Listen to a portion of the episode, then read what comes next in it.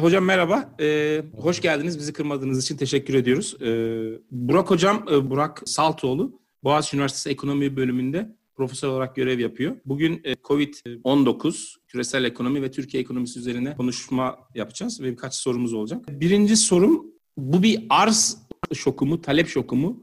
Bunu belirlemek e, neden önemli? Bunu belirledikten sonra yapılacak politikalar e, neler olabilir? Siz hangi görüştesiniz? E, aslında yani son yılların en e, farklı şoklarından biri. Yani en yakın yine biz en azından yaşadığımız 2008'e benzetme eğilimi var ama çok da değil. Çünkü o bir kere e, ciddi anlamda finansal piyasalardaki firmaların hatası sonucunda olmuştu. Burada açıkçası öyle bir hata yok. Yani doğrusu birinci oradan başlamak gerekiyor.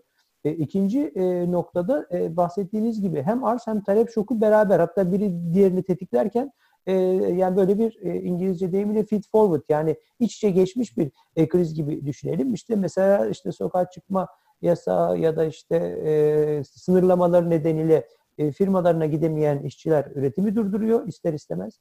E, online evet. eğitim ya da online üretim yapamayacak, evden çalışamayacak bir sürü e, fiziksel üretim yapan firmalar arz tarafından e, sınırlı bir e, noktaya dönüyorlar. E, talep zaten e, bununla beraber oluşan panik, işini kaybetme riski nedeniyle e, geri çekilen e, talepler e, ciddi anlamda iç içe geçiriyor. Dolayısıyla e, problemi daha e, karmaşık hale getiren bu. E, o yüzden de hani gerçekten çok hızlı ve çok e, net bir tepki e, verildi tüm e, finansal e, aktörler tarafından özellikle düzenleyici ya da işte merkez bankaları ve maliye e, tarafından, hazineler tarafından çok hızlı tepki verildi. E, bu tabii ki yani bunu açıkçası tam bir e, talep şoku e, onun dışında arz şokuyla beraber yarattı. Tabii arkasından da panikle beraber finansal piyasalar da karıştı. Yani e, gerçekten yönetilmesi e, çok e, kolay ve daha önce hiç gerçekten yaşamadığımız e, bir durum. 1918'deki işte İspanya şeyinden bahsediyoruz ama onu da hiç kimse bu şekilde yaşamadı. Dolayısıyla yani gerçekten e, bir an evvel azalması dışında yapılan önlemlerin ne kadar etkili olacağını zaman gösterecek. Peki alınan atılan adımlar hakkında ne düşünüyorsunuz? Mesela Amerika'da Fed direkt e, hiç olmadığı kadar hızlı adımlar attı. Bir anda 75 50 düşürüp sıfıra düşürdü. Sonra Avrupa Merkez Bankası. E, Türkiye özelinde Merkez Bankası henüz bir şey yapmadı anladığım kadarıyla. E, bu adımların yeterli mi? Nasıl görüyorsunuz? Bir de bunun üzerinden helikopter para gibi e, söylemler var. E, Türkiye bunu uygulayabilir mi?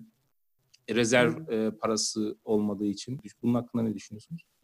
Şimdi tabii bu daha ağırlıklı olarak 2008 krizi benzeri bir tepki de özellikle likitlerin çok sıkışması nedeniyle piyasayı bir an evvel likiteye boğmak hani ilk tepki gibi geliyor. Merkez bankaları orada aslında aşırı hızlı davranıp onu çözmeye çalıştı. Burada biraz paniği önlemek, biraz tabii borsanın yaratmış olduğu özellikle bizde değil ama Amerika'da çok önemli bir yatırım aracı. İnsanların servet etkisini, psikolojiyi çok olumsuz etkiliyor. Biraz onu da korumak açısından denendi ama çok da ilk roundda hala etkisi görünmedi. Çünkü hakikaten önümüzü kimse göremiyor. Yani hakikaten bu iş nereye doğru gider. Dolayısıyla tepkiler hani e, yanlıştır diyemeyiz. E, mali tarafta daha fazla tepki e, gelebilirdi. E, yani yanlıştır şuraya söyleyebiliriz aslında. Yani böyle hiçbir e, ne diyelim bir tampon sermaye, tampon likidite, e, ekonomilerin kendi içerisinde işsizlik fonlarında ya da işte hı hı. hazinelerin böyle bu tip fonlar için hiçbir şey ayırmadığını görüyoruz. Bence esas benim temel olarak eleştirim bu. Yani bu tip bir pandemik olsun, ekses bir e, krizi olsun, e, bunlara hiçbir şekilde e, e, bir e, öngörülemeyecek konular bunlar ama bunlar katastrof riski dediğimiz şeyler. E, çok hmm. hızla likitte dönüşecek unsurlar. İşte görüyoruz yani işsizlik fonları içerisinde o kadar da büyük bir e, rakam olmadığını, Amerika'nın işte 8-10 milyon kişiye birden yansıtmaları. E, bunun aslında nedeni bir anlamda e, çok e, yani her e, her kesimin ve her bireyin diyelim yani tamamen her kazandığını harcadığı, e, köşeye bir tarafa böyle bir ihtiyat akçesi bırakmadığı yapının bir makro çerçevedeki yansıması. Ha çözer hmm ayrı bir şey ama hiçbir şey olmadığı takdirde her şey ileriye yönelik, her şey 30 sene 40 sene sonrasındaki kazanılacak paranın şimdiden harcanması e, diye düşününce böyle topyekun bir yani olayın sosyal boyutuyla da beraber düşündüğümüzde inanılmaz yüksek bir tüketim eğilimi. E bu tüketim eğilimini sağlamaya çalışan siyasi otoriteler çünkü bundan mutlu oluyorlar, bundan oy alıyorlar. Yani olayı böyle çok daha aşağı doğru indiğimizde aslında e, böyle bir noktada. E, bir yere geliyoruz. Hani bu noktada özellikle hani e, bankacılık kesimi 2008 krizinden sonra alınan önlemleri nedeniyle kısmen daha iyi sermayelendirildiler. Bu iyi bir şey. Daha likidite e, rasyoları biraz daha yüksek, daha likit olmaları bunlar iyi bir şey. Ama bütün bunlara rağmen yine de tabii bu tip bir krizi önleme, öngörmek çok zor ama e, ihtiyat olarak hiçbir şey olmayınca bu sefer tamamen etrafı paraya boğmak ve e, bir an evvel e, şeyi çözmek açısından alınan aksiyonlar oldu. Yani geriye döndüğümüzde aslında böyle biraz daha ekonominin yavaşlatılması, büyümenin bu kadar fetişsizm anlamında öne çıkmaması gibi çok ilginç noktalar geliyor. Yani bunlar uygulanabilir mi ayrı ama uygulanmış olsaydı muhtemelen şu anki panik e, bir nebze daha rahat atlatılabilirdi. Ortada hani bir tampon, bir buffer dediğimiz hiçbir şey yok. Kendi şirketlerde evet. olmak istiyoruz e, bireylerde de açıkçası ya tabii ki gelir seviyesinin çok düşük olan kesimlerinde büyük bir gelir adaletsizliği vesaire var. Onu bir an için e, şey yapalım da daha sonra tartışmak üzere bir yana bırakalım ama e, öte yandan hani tüketicinin de bu şekilde çok yoğun bir e, talebinin e, olduğunu düşünüyoruz. Yani herkes aslında kaldıraçlı. Yani e, evet. vatandaş seviyesinde, ülke seviyesinde ve banka seviyesinde, kurum seviyesinde. Dolayısıyla bu tip durumlarda kaldırıcı geriye şey yapmak için işte trilyonlarca aslında akan paranın e, şeyleri biraz da bu yüzden. E, ya buralar hakikaten eğer e, bilinçli bir şey bir e, toplu e, sorgulayıcı bir toplum yapısı olsa bunları bir sonraki e, bu krizden hemen sonra e, gerek siyasilere gerek sisteme karşı e, sorgulaması lazım. Ama tabii çok muhtemelen e, hafıza kaybı yaşanıp global edeceğiz. Özetlemek gerekirse şunu diyebilir miyiz? Yani 2000, 2008 krizinden sonra işte gereken dersler alınmamış ve dünya tekrar yani onca macro prudential policy e, literatürüne rağmen e, hazırlıksız yakalandığı diyebilir miyiz?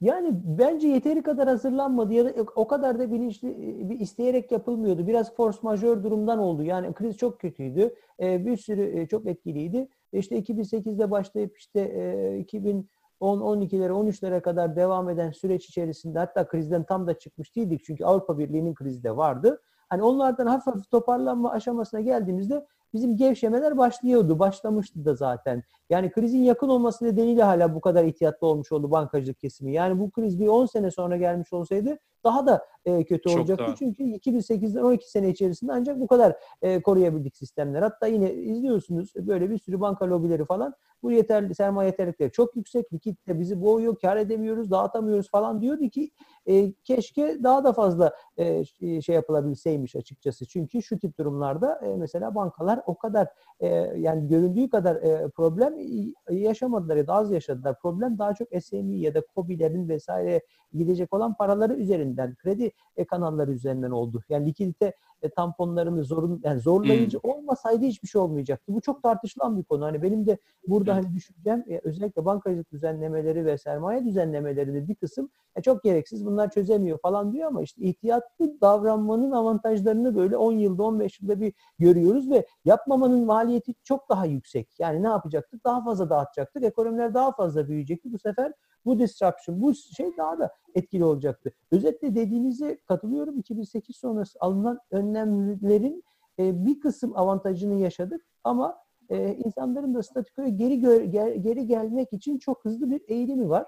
E, bunun arkasında bir siyasi yani işin ekonomi politiği var açıkçası. Yoksa teknisyenlere bırakılsa e, ne yapılacağı e, belki e, daha farklı ama e, vatandaş yani harcamak istiyorsa tüketim kanallarını sürekli açmak durumunda. Siyasi de oy almak için bunu yapıyor. Yani sonuçta hani burada global anlamdaki oturmuş sistemin bence böyle bir e, ciddi bir bug'ı var. Yani hani ciddi bir e, e, hata e, var. Yani bu sistem buna benzer krizlere sürekli e, hazırlıksız yakalanacak açıkçası. Çünkü hep böyle bir bıçak üstünde gitmek isteyen ekonomiler, e, siyasiler ve tabii tüketiciler var. E, siz bu süreç içerisinde köşeye bir şey ayırmadığınız zaman ve kendi üretme kapasitenizin çok üstünde e, yatırım ya da işte e, tüketme e, eğilimine girdiğiniz zaman bu tip e, şoklar sizi tekrar normalize ediyor ama ilk noktada tekrar siz eskisine geliyorsunuz. Yani daha yapısal bir şey yapılması gerektiği çok evet. açık yani buralarda.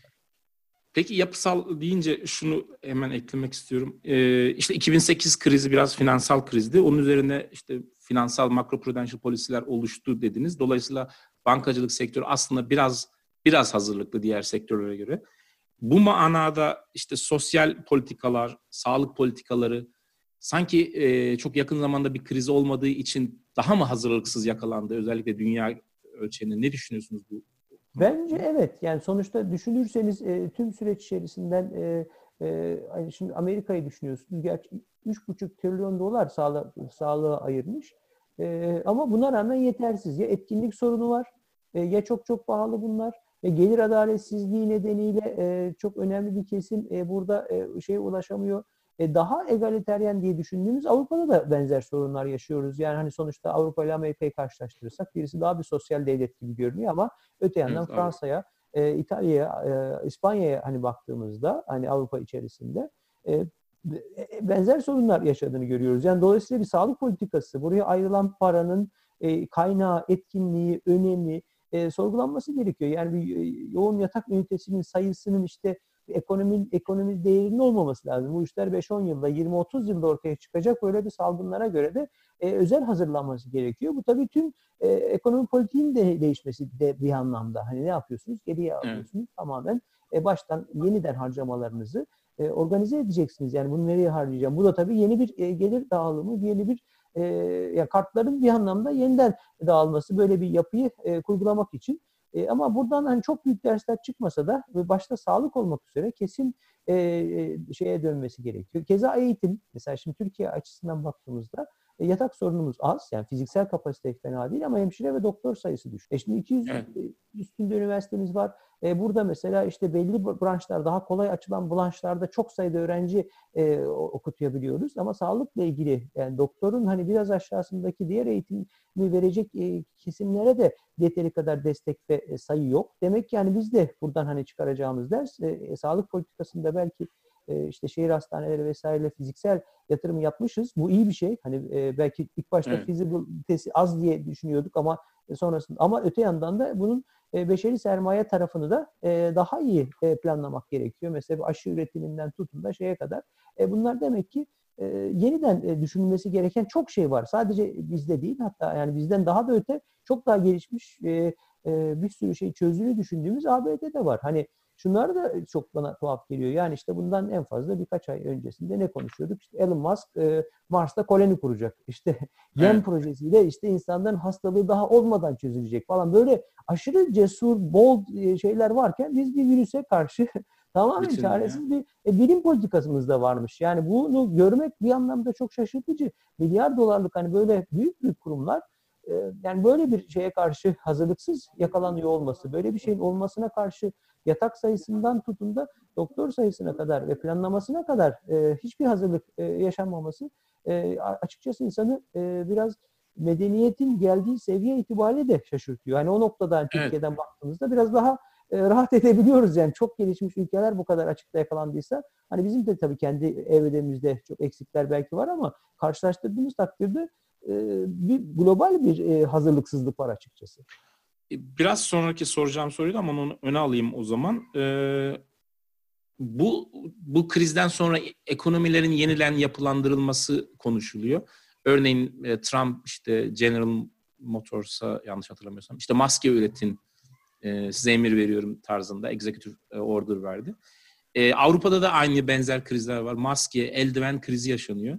E, çünkü bu sektörler tamamen e, ülke dışına kaydırılmıştı ve bir anda da arz oluşturulamıyor. Türkiye bu noktada herhalde biraz e, iyi. Yani bu manada ekonomilerin e, yeniden yapılandırılması söz konusu olabilecek mi? Örneğin bütün arzın yani e, supply chain e, Çin üzerine bağlan yüzde yirmi üzerinde belki de ona bağlanmış olması e, ekonomileri çok daha fazla böyle krizlerde kırılgan hale getiriyor. E, Türkiye bu noktada Avrupa'nın e, Çin'i demeyeyim de böyle buna benzer üretim üssü olma ihtimali var mı yoksa e, ülkeler yine kendi başına mı bu sorunu çözmek çözecekler? Yani atıyorum eldiven bu tarz e, küçük e, low skill e, sektörlerin kendi ülke ülkeler kendilerini mi üretecek yoksa yine yakınlarda e, ki ülkelere kaydırma potansiyeli var mı? Dolayısıyla Türkiye buradan bir şey yapabilir mi? Yani bahsettiğiniz aslında çok önemli. Yani e, arz zincirindeki bir risk yönetimi hani bu standart hani e, standart şeylerden biri. Yani bir yer, bir tek arzı ya da bir tek şeyi orada sağlamayın. Mesela Çin de burada aslında fazla bir uzmanlaşma ve fazla bir şey vehmedilmiş açıkçası. Birçok şey oradan üretiliyor. Amerika'ya geliyor. Yani bu aslında hani standart risk yönetimi prensiplerinden birinin ihmal edilmesi anlamında düşünebiliriz. Lokasyon olarak bir yere yiyorsunuz. Tamam ucuz, etkin bunlara diyecek bir şey yok. Ama hani öte yandan e, böyle bir e, şoku yediğiniz takdirde de e, yönetme kabiliyetiniz yok. Mesela şirketlerde falan işte en az 3-4 tane yerden bunu istihdam et, tedarik etmeniz gerekir falan bu tip e, şeyler optimizasyonların çalışılıyor. Ama ülke çapında bunun yapılmadığını düşünüyoruz. Ama bu da geriye bizim hani en ekstrem durumda globalleşmenin e, teorinin böyle neoliberal teorilerin en ucuna doğru gidiyor olmamız. Yani ne üret? Sen hiçbir şey üretme, orası üretsin. Hani benim düşüncem evet. burada da biraz ifratla tefrite kaçırıldı gibi. Yani aşırı bir şekilde bu globalleşmeye e, önem atfedildi. Yani bizler de zaman içerisinde yani savunmadığımız bir şey değil açıkçası ama e, gelinen nokta bu, böyle krizler zaten burada bize ders vermiş oluyor. Evet. E, tamamen uzmanlaşsın. Orası burada uzmanlaşsın. Burası başka bir şeyde uzmanlaşsın. E, tabii ki burada hani Çin'in e, görevi dışında diğerlerinde tamamen bunu ihmal edip başkalarına bırakıyor olması önemli. E, tabii bizim de buradan çıkaracağımız derslerden biri işte ne bileyim bir e, işte solunum cihazını üretmiyor olmamız, işte bunu kriz sonrasında üretmeye çalışmamız, işte aşı teknolojisine tekrardan işte e, Sanayi Bakanlığı işte buradaki bilim adamlarının işte kriz sonrası e, tekrardan devreye e, giriyor o, olması gibi e, konular var. Yani demek ki buradan çıkan sonuç hani benim düşüncem her ülke sanki böyle bir kriz yaşamaması açısından minimal seviyede bazı şeyleri yerli olarak üretecek bir teknolojiyi tamamen e, disrupt tamamen kapatmaması gerekiyor demek ki. Yani ya, ev içinde evet. şimdi biz ne yapıyoruz? Eve sıkıştık. Herkes bir ekmek yapabiliyor, bir yoğurt yapabiliyor değil mi? Daha da fazlasını evet. keşke yapabilsek. Hani kendi kendimize yetişse ama işler açıldığında biz bunu devam edelim ama ara sıra e, yine de bundan faydalanalım ve buna yatırım yapmaya devam edelim. Fakat burada bir e, ne diyeyim corner solution yani bir köşe çözüme gidildi. Herkes bıraksın. Herkes en iyi, en ucuz nereden yaparsa bunu yapsın. Büyük şirketler tabii ki buradan çok büyük, en fazla para getiren kısımlarla uzmanlaşırken e, geri kalan kısımla ilgilenmiyor. Hani burada da tabii evet. enteresan bir mesaj var. Yani düşün Amerika dünyanın sağlık teknolojisinde en gelişkin yer bu. Ya maske ya da işte bilmem e, hasta sayısıyla ilgilenebiliyorsa ya burada yani bir şeyler çok iyi hesaplanmamış demek ki. Yani bir şeyler atlanmış. E, e, bunlardan eminim çok akıllı insanlar belli dersler çıkaracak. Ne kadarını uygular, ne kadarını uygulayamaz. E, bu krizin ne kadar süreceğini ve buradan e, toplumun genelinin ne kadar ders çıkardı ve bunu nasıl siyasi ve e, oy tercihlerine nasıl yansıdığına kadar giden bir e, e, yapı hmm, olmalı evet. ki sonrasında bunun politikacılardan e, bir yeni bir reformla görelim. Ama hiçbir şey olmama şansı yok. Kesin bir şeyler olacak. Ama olması gerektiği kadar e, yeniden bir yapılanmanın olması için de e, tüketim yapısından hı hı. bu bilincin e, tekrardan oy potansiyeline kadar yansıyor olması gerekiyor ki bunu göreceğiz açıkçası. Yani burada çok e, açıkçası çok emin olamıyorum. Çok e, e, insanın hani hafıza kaybı insan belki evet, en genel biri e, tüketime birden bu tip e, kaygıları tercih ederse zaten politikacı da oraya doğru yönelecek. Yani aslında bir yansıtıcı bir anlamda çok siyasileri suçlamak da burada hatalı. Çünkü tüm toplum davranışları da biraz e, siyasetçinin e, tercihleri, evet. ekonomik e, tercihleri yaratıyor, belirliyor. Ee, evet bu manada Makarna Üreticileri Birliği Başkanı mı? Buna benzer bir isim e, şey söylemişti işte. Siz dert etmeyin biz e, Türkiye'yi makarnaya boğarız. Yani Türkiye'nin bu şekilde hiç sıkıntı çekmeyeceği e, sektörlerin artması gerekiyor anladığım kadarıyla sizin e, şeyiniz. Evet ya buna tabii ki gıda, tarım buradaki mesela dönüşüm evet. çok hızlı oldu. Şehirleşme yani gerçekten düşünsek alt alta yazsak yani e, hemen hemen çok az şey buradan e, değişmeden çıkacak. Olumlu ya da olumsuz anlamda. Zaten iyiymişiz daha fazla artıralım. Ama bunu da sağlamalıyız. Yani bu bambaşka kartların gerçekten yeniden dağıtılması eğer bunu bu şekilde algılamak istiyorsak. Yani ülkenin kendi kendine yeterli. E, bir ay, iki ay. Yani nedir mesela bizim özellikle bankacılıkta ya da e, şirket finansmanında ne diyoruz? Yani bir e, survival horizon diyoruz. Yani hiçbir şey gelmez size 3 hafta, 4 hafta kendi kendinize yetebilmeniz lazım. E, bu şirketler için de böyle. E, kurumlar için e, böyle, e, ülkeler için de bir anlamda böyle. Dolayısıyla globalleşmeyi bu kadar ekstreme götürdüğünüzde para bir taraftan gelsin, teknoloji bir yerden gelsin, ucuz işçi bir yerden gelsin ve ben bunlara global sermaye büyütelim.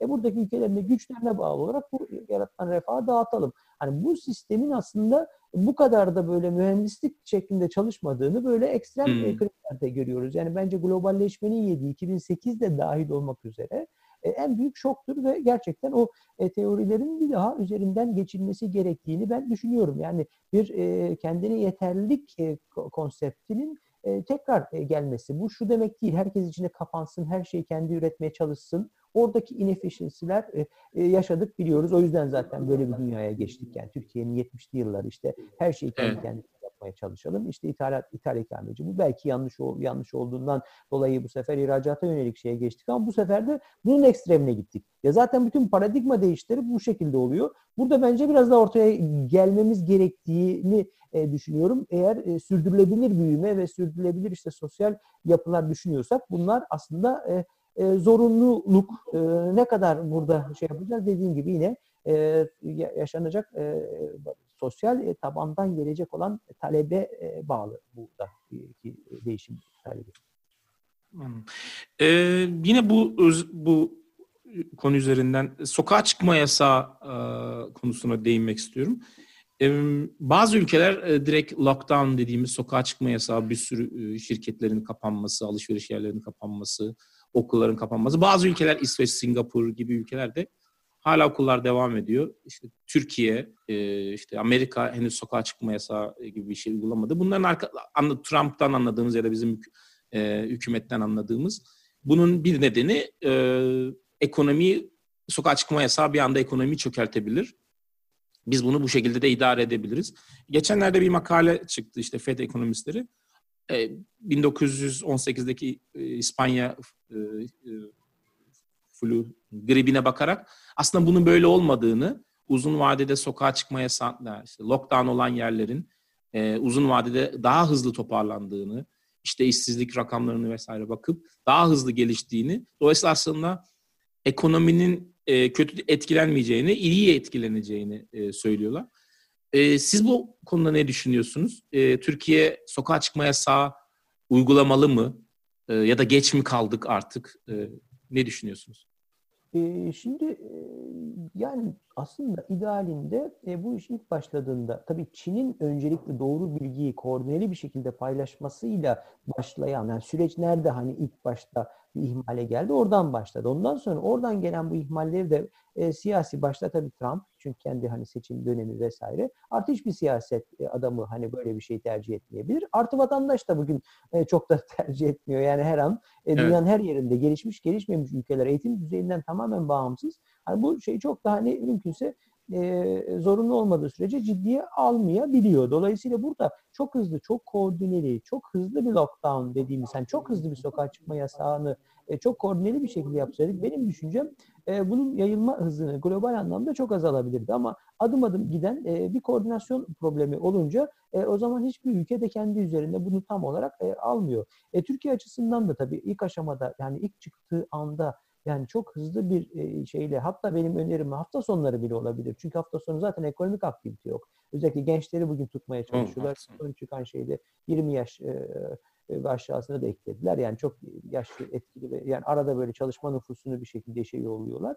burada bir şey var. Hani benim düşüncem geç mi kalındı kısmı e, muhtemelen e, daha erken olsaydı ve daha hızlı olsaydı, bir sürelik bu olsaydı, sonra yavaş yavaş e, açılsaydı bundan daha iyi olacaktı. Ama illa çalışılıyorsa da şunlar hani düşünülebilir. Hani madem böyle, dediğim gibi hafta sonları bunu e, kapatabilirsin çünkü cumartesi, pazar zaten şey aktivitesi e, çok fazla değil. İkincisi de hani çalışılan yerlerde daha iyi test yapılabilir, daha yüksek güvenle o ortamlar belirlenebilir. Burada bir standart belirlenebilir. Çünkü hani belli e, ekonomiyi tamamen çarkları e, kapatmak istemiyorsanız e, e, yani e, ve bunun maliyeti tabii ki iyice hesaplanabilir. Sanki buralarda bu tip hesaplarla falan koordineli bir şekilde şeyler yapılmıyor. Tabii ki burada hani bu krizin ne kadar süreceği vesaireye ilişkin yani siyasiler tabii ister istemez biraz daha risk alma yönünde davranabiliyorlar. Özellikle ekonomik etkinin yaratacağı panik artı diğer faktörlerin de önüne geçmek açısından. Ama özetle bence en başta çok hızlı bir şekilde ve çok koordine bir şekilde yapılmış olsaydı etkisinin ben daha yüksek olacağını, daha sonraki maliyetin çok daha düşük olacağını e, görebiliyordum. Ama tabii ki siyasilerin e, çevresindeki danışmanlar, iş adamlarının vermiş olduğu hani e, tepkiler ya da e, çünkü bir kişi tek karar vermiyor aslında. O birçok şeye bakarak karar veriyor, birçok şeye duyuyor. E, toplumun genelinin e, tercihi de e, bu yönde olunca ama tabii ki bir şekilde daha erken ve daha sıkı ve belki de daha kısa bir sürede daha avantajlı bir noktaya gelebilirdik. Ama adım adım da olsa en azından 20 yaş üstü de bir avantaj Türkiye'de. Hani belki bir evet. sonraki belki lokal belki İstanbul civarında biraz daha bir şey yapılabilir. Ee, ama e, sonuçta hani sanki biraz daha baştan sert bir, bir tedbir alınsa e, ve iyi bir ekonomi planıyla yapılsa daha doğruydu bence. Evet. E, koordinasyon üzerinden e, gitmek istiyorum. Bu e, Hariri e, şöyle bir şey söylemişti. Ülkeler e, sınırlarını kapatmak yerine e, koordineli bir şekilde hareket etmeliler. Bu bir global bir sorun. Dolayısıyla global bir koordinasyon gerekiyor. Benzer şeyi biz e, 2008 krizinde Rajan söylemişti. Uluslararası parasal koordinasyondan bahsetmişti. Finansal bu bir global bir kriz. Dolayısıyla global bir parasal e, politika geliştirmemiz gerekiyor demişti. Siz bu konuda e, ne düşünüyorsunuz? Ülke, yani genel itibariyle Birleşmiş Milletler'den çok fazla bir şey duymadık. Sadece işte e, onun alt kurumu aslında diyebileceğimiz Dünya Sağlık Örgütü biraz e, devreye girdi. E, siz dünyanın iyi bir ders verdiğini düşünüyor musunuz koordinasyon noktasında? Yoksa e, 2008 krizindeki gibi herkes kendini e, korumaya çalıştı ama hiç kimse koruyamadı mı yani çok iyi bir koordinasyon var mı? Hatta bu firmalar, bu şirketler, bu kurumlar ne kadar etkili? Onlardan açıkçası çok emin olamıyorum. E tabii ülkelerin bilgileri iyi paylaşması, ko- koordinasyona açık olmaları da önemli ama mesela Dünya Sağlık Örgütü ile ilgili yani söyleyebileceğim en temel şey e, krizin başında aslında e, e, maskenin çok da faydalı olmadığını söyleyen grup şimdi evet, evet. herkes maske taksın diyor. Ya şimdi ben iktisatçı perspektifinden bakarsak ya bir kişinin maske takmasının maliyeti 3 dolar 2 dolar bilmem ne. Ya şimdi e, bunun hiçbir maliyeti yokken insanlara takmayın deyip daha sonra takın demenin riskini nasıl bir uluslararası e, organizasyon alabilir? Maliyeti değil mi? Evet yani bu tamam üretememe maliyeti doktorlara az kalacak diye. Bu da o zaman şeffaflığı önlemiş oluyor. Yani insanlara doğru şekilde kullanın ama dikkatli kullanın. Çünkü sağlık personeline kalmıyor. Üretemiyoruz yeteri kadar. E, kaygısı az ortaya çıkıyor ki ben böyle okuyorum bunu. E, hmm. Ya da hmm. bilimsel araştırmayı en baştan böyle yapacaksınız. Yani e, o anlamda daha bu basit noktada bile hani çok ciddi bir e, koordinasyon e, ciddi demeyelim ama hani böyle güven uyan, güven e, sarsan bir unsur. Hani bu kendi başına bütün yapılanları e, şey yapmak için söylemiyorum ama e, bu tip basit konularda kafa karışıklığına neden olan ve o işte bizim Türkiye'de de aynı şekilde hani oradaki yapıyı tartışıyor. Vatandaşın arasında kafalar karışıyor. E, dolayısıyla hani bunu çok daha yönetle, yönetilebilirdi. E, kapıları kapatmak dışında nasıl bir çözüm olur? Orada Hariri'den çok emin değilim. Ko- yani koordinasyona katılıyorum. E, ama tabii bu rekabet şeyiyle olacak bir şey değil. E, daha da fenası oluyor. İşte birisi gidiyor diğerinin maskesinin e, gemisini e, parayla satın alıyor. Öteki başka şey yapıyor. Okuduğumuz şeyler hani hakikaten evet. e, böyle çok tatsız ve bu da yani e, koca koca ülkelerin aslında öyle bir kere en basit yani liberal ekonomi mesela bu da çok şaşırtıcıydı. Trump'tan kendi ağzından dinleyince insan şey yapıyor. Yani liberal ekonomilerin kalesi piyasa mekanizmasının şeyi. New York'taki diyor maskelere ne olduğunu ben bile bilmiyorum diyor. Orada diyor şey çalışmıyor diyor. Yani değil mi? Sonuçta evet. biz arz taleple her şeyin çözüldüğünü e, Amerikan kitaplarından bütün dünyaya anlatıyoruz. Amerika'nın e, sermayenin dibindeki bir yerde bir arz talep mekanizmasını hani çalıştıramıyoruz. Yani e, bütün bunlar aslında çok ince ders alınması gereken şeyler. İşler kriz yokken yönetilmesi çok güzel dört dörtlük ama e, buraya geldiğinde de bu iş çalışıyorsa hani robustness yani sağlamlık testi biraz böyle oluyor herhalde. Yani buradan da sağlamlık testinden bence çok iyi çıkamadı yani kapitalist sistemin üretim mekanizması ve felsefesinin bile e, demek ki yani e, normal işler iyiyken hani böyle e, e, fena değil ama mesela hani e, o varsayımlardan birini kaldırdığınızda ne oluyor?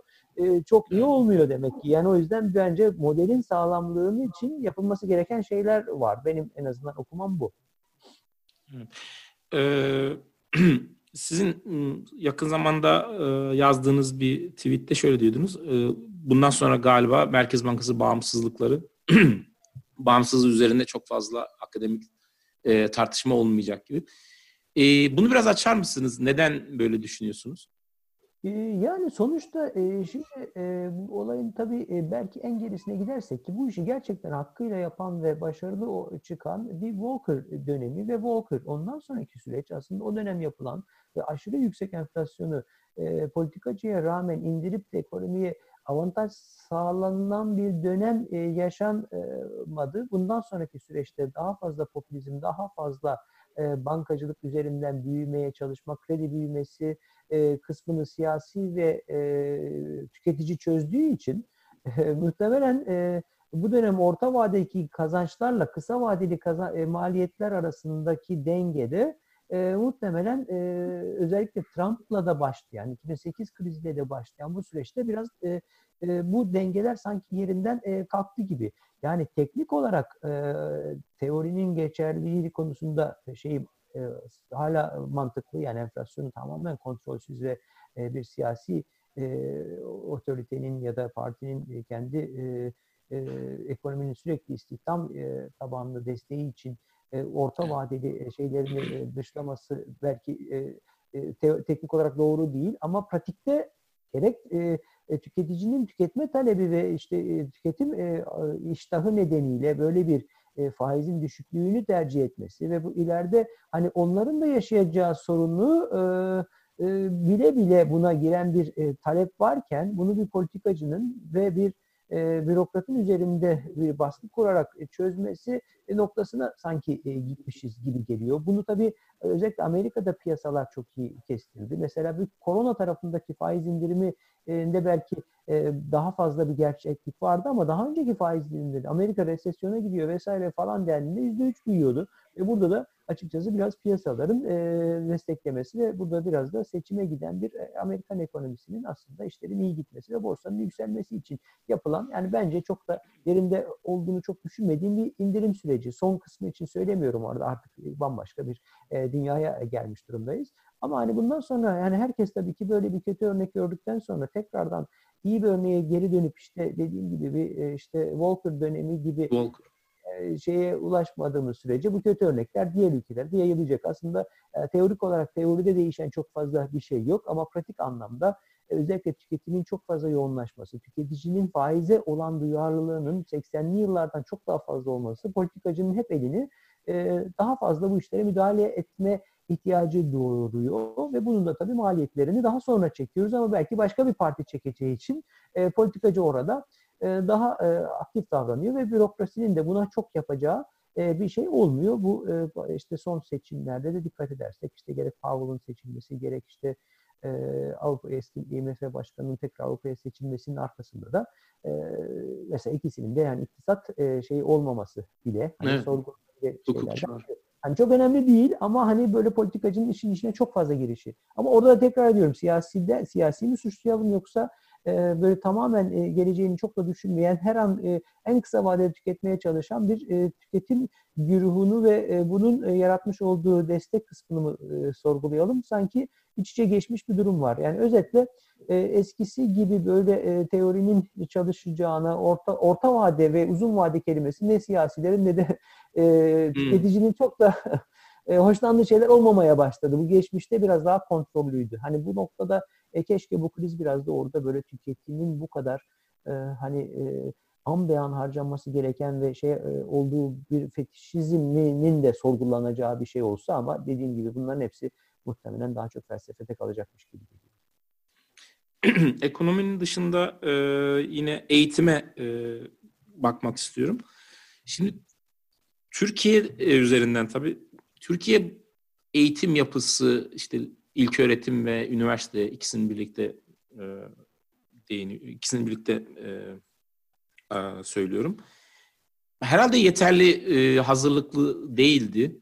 Yani farklı farklı üniversiteler henüz daha yeni e, altyapısını kurmaya başladı. Bazıları geçti. E, ilk öğretimde durumlar biraz daha kriz. E, siz ne düşünüyorsunuz? Bu bir e, tamamen değişik bir eğitim sistemine geçmeye yol açacak mı bu yoksa kısa vadeli bir şey? Dolayısıyla bu hazırlıksız bile olsak e, bir şey fark etmez mi düşünüyorsunuz? Ya bence zaten dünyada bunu daha böyle bir profesyonel bir eğilimle işte bildiğimiz bu Coursera'lar, Udemy'ler vesaire e, cidden bir e, yıpratıcı bir şey yaşatmıştı ve işte online eğitimler birçok üniversiteler buna geçiyordu. E, dünya da tabii buna tam da hazır olmadığını özellikle sınav kısmı çok önemli. Sınavın yapılabilmesini çözülebilirse online e, çünkü çok büyük e, skalalarda. Evet, e, bu çok daha farklı bir noktaya gelecek. Şu an hepimizin değil mi hocalık şeyinde onu nasıl yapacağız? Yani öğrenci nasıl değerleyeceğiz? Birebir şey yapamayacağız. Ama geri kalan eğitimde e, kalitenin arttırılacağı kısmı çok net e, fiziksel olarak gitme gelme İstanbul trafiği ya da herhangi bir trafik e, e, çok daha hızlı erişim, genç çocukların teknolojiye yakınlığı gibi çok büyük artılar var. E, dolayısıyla burada bir trend değişimi zaten başlamıştı. Daha fazla bu trend olacak. Evden de yapılabiliyormuş e, kararına ulaşılacak. E, bunun yaratacağı çok ciddi e, de kost, maliyetler olacak bence. E, şimdi Amerika zaten hani çok sorguluyordu. Çok yani 1.7 trilyon öğrenci borcu var. E, hani bu tamamen e, ticarileştirilmiş bir tarafıyla. 1.7 trilyon doların evet. ödenme şeyi inanılmaz yüksek. E, bizim için farklı bir noktaydı. Biz de çok ciddi anlamda özellikle e, inşaat ve şey e, Anadolu'yu genişlettirmek, biraz da istihdam yaratmak için hani kalite sonra gelir biz bir açalım üniversiteleri dedik ve çok yoğun şekilde üniversite açtık. E bunlar ilk rounda işsizlikle karşılaştılar. İkinci rounda da mesela böyle bir noktada aslında 200 tane üniversite yerine belki bir 5-6 tane online e, okul açılsa, bu yatırımlara çok daha fazla yapılsaydı, bugün diğer üniversitelerin de e, internet ve diğer e, kapasitesini de geliştirecek çok daha başarılı bir noktaya gidebilirdik. Belki buradan böyle bir ders e, çıkacak. Mesela geçmişte açık öğretim uygulaması vardı. O zamanlar çok hani destek görmüyordu ama aslında iyi uygulansa, iyi e, hocalarla, iyi eğitim sistemleriyle, iyi e, programlarla çok daha iyi yere götürülebilecek. O yatırım yapmak, e, onu daha devam ettirmek yerine biz böyle biraz daha Anadolu'yu geliştirelim. Yöresel, bölgesel kalkınma planının bir parçası olarak üniversiteyi değerlendirmek istedik. E, yani bence çok doğru bir strateji olmadı. E, ama hani bu bunu şuradan ders alıp yani burada 207 üniversite yerine ya 200 tane olsun 7 tanesinin maliyetini de biz online'a yapalım diyecek bir yapıya geçebilirsek örneğin hani bu biz açımızdan bir ders çıkarma olacak. Ama gerek dünyada gerek Türkiye'de bence fiziksel örgün eğitimin en azından önemli bir kısmının dijitalle desteklenmesi bence e, sanki kaçınılmaz e, gibi görünüyor. Hem maliyet yüksek hem e, etkinlik çok yukarıda. Yani şimdi normalde düşünseniz iki saat günlük e, e, hocanın gidiş gelişi, trafik İstanbul için söylüyorum. E, evet. O sınıfta 100 kişi varsa yani 400 saat e, tasarruf ediyorsunuz. Yani en azından e, e, belli günlerde, belli şeylerde diyelim derse o gün yetişemediğinizden online e, eğitim yaparak ya da videoları yükleyip tekrardan gelmek gibi yapıyı e, kurgulayacağız ve bu da tabii örgün eğitimi sarsacak. E, bu tabii e, hoca sayısını e, kadar e, o dersi e, e, bunun için istihdamın e, tekrardan sorgulanmasına kadar birçok şeyi değiştirecek. Ama bunun yanında işte online eğitimi destekleyen yan hizmetler ya da işte benzeri şeyler, o notların hazırlanması gibi başka istihdam kanalları yaratacak ama yani üniversite sistematiğinin e, çok daha sorgulanmasını, bu kadar özel üniversitenin de çok da karlı olamayacağını çünkü örgün eğitimin sağladığı avantajları bir kısmını online'a çevirince çok daha ucuza mal ediyorsunuz bütün bunların hepsini. Bunlar bence kesinlikle eskisi gibi olmayacak. Yani demin konuştuklarımızın hangisinde net değişim olur ama bence sağlık ve eğitimde muhtemelen eskisinden daha farklı bir dünya göreceğiz. Makroekonomi işte ne diyeyim, merkez bankacılığı şu bu bunlar hani belki çok radikal e, şeyler bunları söylemek için çok erken. Hani böyle hatta hatta politik sistemin de değişeceğini falan söyleyen iddialı şeyler var. Hani ben bu kadar ileri gidemiyorum çünkü insan yapısını kestiremiyorum ama burası daha pratik, pragmatik e, ve ticari anlamda da bence ve e, sosyal anlamda da değişecek şeyler bence bu ikisi üzerinde olacak ilk başta. Peki bu eğitimin e, bizatihi kalitesi noktasında e, ne düşünüyorsunuz? Benim özür dilerim. Bu edX, Coursera e, gibi işte MOOCs diyorlar. Platformların üzerine yapılan bir makalede işte yüzde doksanının aslında kayıt olduktan sonra tamamen bitirmediği, e, yüzde doksan hatta yüzde üçünün beşinin bitirdiği e, söyleniyor. E, dolayısıyla böyle bir durum var, vaka var. O zaman eğitim kalitesi düşmeyecek mi? Bu da bir eğitim şoku. Dolayısıyla aslında ekonomiye de uzun vadede ya şimdi o tamamen aslında e, dediğiniz doğru. Hani ben o tip e, ortamları daha çok kendini yetiştirmek isteyen, çok bilinçli e, mesela benim de çok izlediğim hani o tip programlar var. Tamamen hani o programın e, akışını ve şeyini izliyorum. Hani amacım hani şeyi bitirmek değil. Muhtemelen hani bu anlamda da dünyada göremeyeceğiniz hızlı gelişen uzmanlıklardan eğitimi alabilmek, hatta birkaç eğitimin nasıl yapıldığını görmek şeklinde çok faydalı. Ama orada işte Öyle nokta ders ve sınav kısmına geliyor. Onu orada iyi yapam ama kısmı var. Dolayısıyla üniversite etkinliği altında yapılırsa bunun yani üniversite hocasının ya da başka bir hocanın verdiği dersi belki örgün olarak sınava e, sokularak değerlemesi yani kısmen bizim aslında açık öğretim uygulaması şeklinde olursa ve buradan da bir diplomaya giden kısmı olursa şey olabilir. Yani sonuçta bir Coursera ya da işte Udemy ya da işte edX dediğimiz şeylerdeki e, şey genel olarak e, tabii birçok dersi veriyor bunlar ama hani bu dersleri bir üniversitede sertifik olarak, not olarak kullanamadıkları için ciddiyet e, kısmında ya da bahsettiğiniz sürdürülebilirlik kısmında sorun e, olabilir ama e, dersin e, hızlı içeriği, o dersi en iyi veren kişinin e, global olarak birçok yerde ders verebilmesi, e, birçok konunun aslında e, daha iyi anlatılabilmesi. Yani öğrenme anlamında kesin e, çok avantajlı. Eğitme anlamında, hele hele test etme anlamında aynı avantajı sağlamak için biraz daha yapısal ve e, zorunlulukların e, gelmesi gerekiyor. E, üniversiteler kendi içerisinde bunu bir orana kadar çözer. Bir de dediğim gibi tüm her şey dijitalleşeceğini düşünmüyorum. Hani ben kendi açımdan hı hı. düşünüyorum. Mesela bundan sonraki eğitimlerde 100 dersin belki 20'si 25'ini dijitalden verip ya da kendiniz dijitale çektiğiniz bir şeyi orada daha etkin kullanmak ya da derse gelemeyen çocuğu daha iyi e, şey yapmak e, şeklinde bir etki olabilir.